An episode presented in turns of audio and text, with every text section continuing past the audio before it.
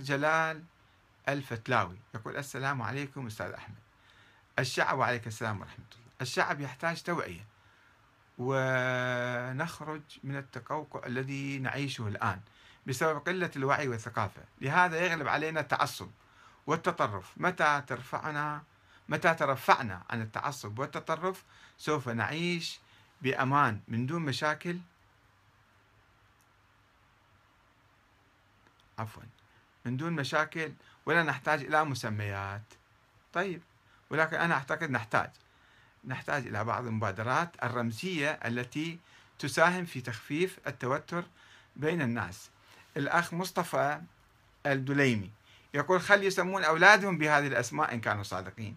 يا أخي لا تستعجل يا أخ مصطفى الدليمي يعني هناك ثقافة تاريخ وثقافة وسلبيات وكذا نحتاج شوية يعني نحتاج جهد كبير حتى نصل إلى هاي النتيجة وإن شاء الله في المستقبل نقتدي بعلي بن أبي طالب ونسمي أبنائنا بأسماء الخلفاء الآخرين. وإذا كانت هذه المسألة تنهي المشكلة فإن شاء الله نأمل أن تنهيها. وإذا ما تنهيها يجب, يجب أن يعني نفكر بما هو أعمق أن ننشر العدل والمساواة والحرية للجميع هذا هو الذي يقضي على التوتر الطائفي على جذر الخلاف الطائفي.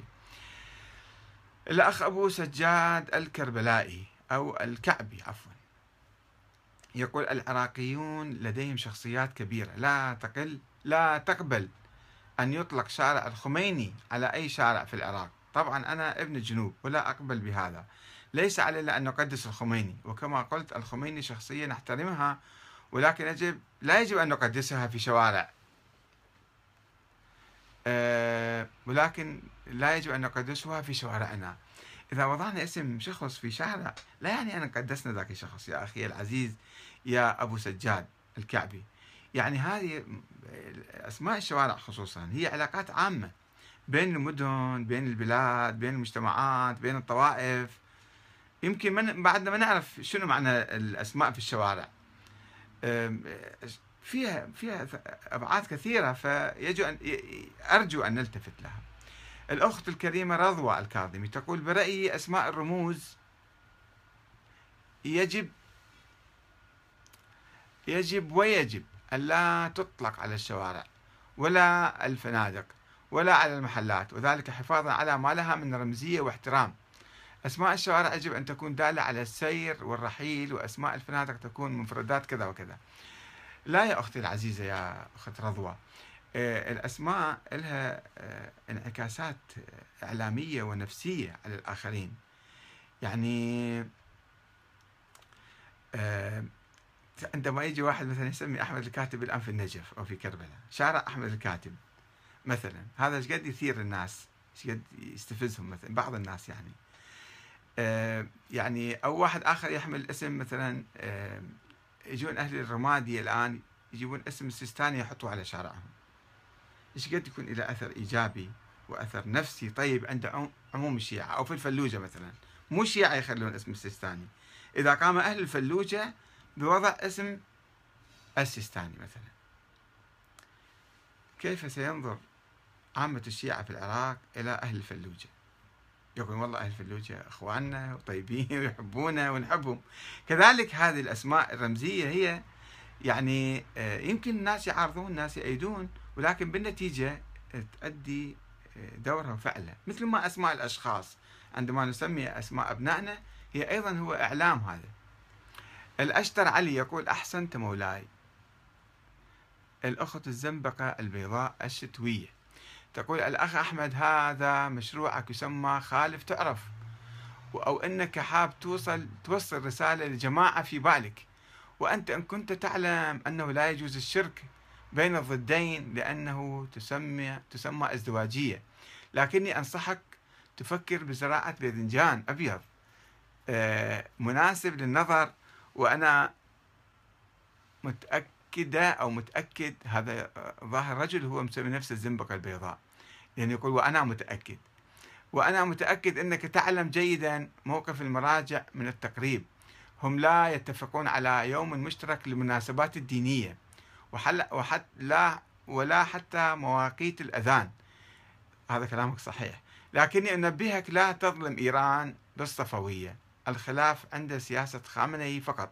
وخامنئي سوف يأتي اليوم الذي يجب عليه أن يجيب على أسئلة الشيعة على سياسته على كل حال عندي الكيبورد عاطل. لن أقدر أستمر بالكتابة لكني أنصحك أن تقف مع الله ومع الرسول ومع الحق وكن حازم مع مظلومية الرسول الأعظم.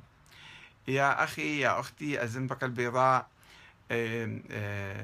أولا أنا لم أطلق كلمة الصفوية على الشيعة وأعتقد أن الشيعة الآن في إيران وفي العراق يختلفون كثيرا كثيرا عن المرحلة الصفوية ولا يتحملون أخطاء تلك المرحلة. يعني إجا واحد حاكم أخبل أهبل مجرم وارتكب بعض الأعمال. ما ذنب الأجيال التالية بعد قرون من الزمن؟ نقول لهم أنتم أيضا تتبعون ذلك الإنسان.